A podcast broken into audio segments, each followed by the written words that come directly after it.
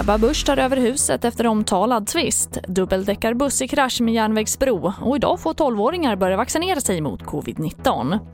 Ja, först i TV4-nyheterna KD-ledaren Ebba Busch har nått en förlikning i den uppmärksammade hustvisten som hon inblandad i, det här skriver Expressen. Hon ska enats med ägaren och kommer att ta över huset och därmed ställs den planerade rättegången in. Och så här säger TV4-nyheternas politiska kommentator Ann Tiberg om beskedet. Den här rättegången hade ju varit en enorm politisk belastning för henne och eh, kommit vid en tidpunkt när hon verkligen skulle behöva fokusera på annat. Och mer om det här kan du se på tv4.se. Och sen till Luleå där en dubbeldäckarbuss har kraschat in i en viadukt. Polisen larmades till området Kallkällan vid kvart över åtta i morse.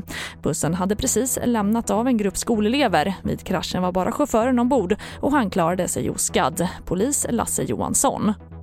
Vi hade fått ett larm om att det hade skett en trafikolycka, att det är en buss som har kört in, eller kört in i den här viadukten. Så blev vi kallade dit tillsammans med räddningstjänsten. Vad jag har fått fram så är det inga personskador utan de hade varit och lämnat av barnen här som de har kört med bussen och att det bara var föraren kvar i den när de kom och han har klarat sig oskadd.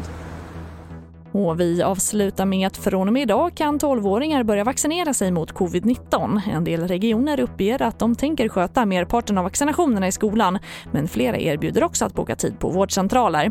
För 12-åringar krävs samtycke av båda vårdnadshavarna om det finns två vårdnadshavare och gruppen 12 15-åringar kommer att erbjudas Pfizer-Biontechs vaccin.